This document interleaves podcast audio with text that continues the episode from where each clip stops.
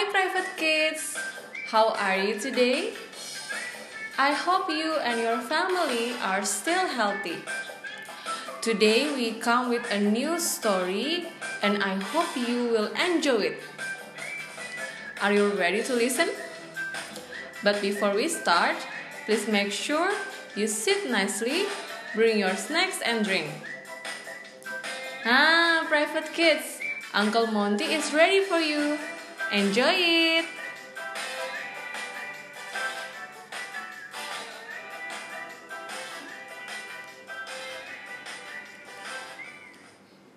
In a farm,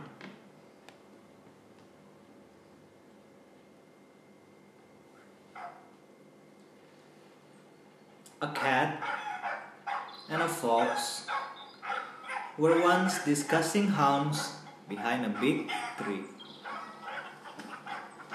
The cat said, I hate hounds.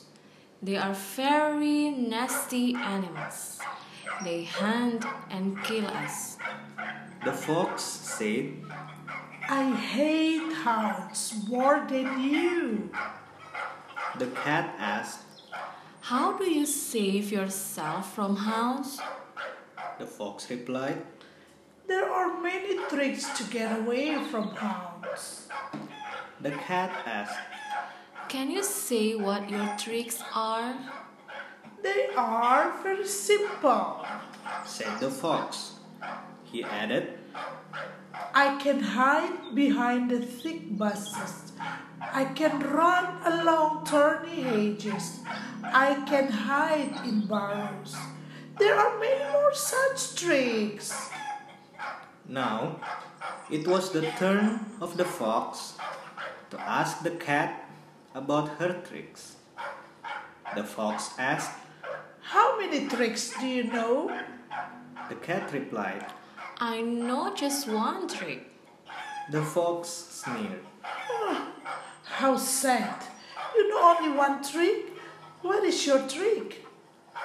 The cat was about to answer, but she found a flock of hounds fast approaching.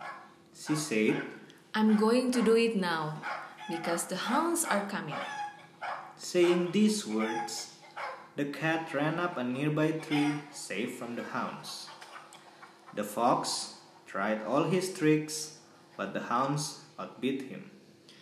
My one trick is better than all his tricks.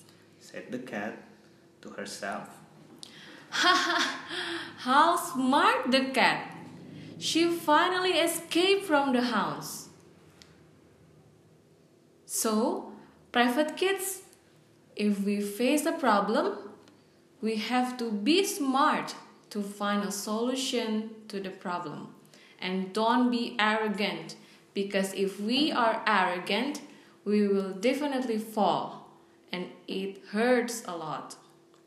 See you next week with the other story, and of course, it will be more interesting. Bye!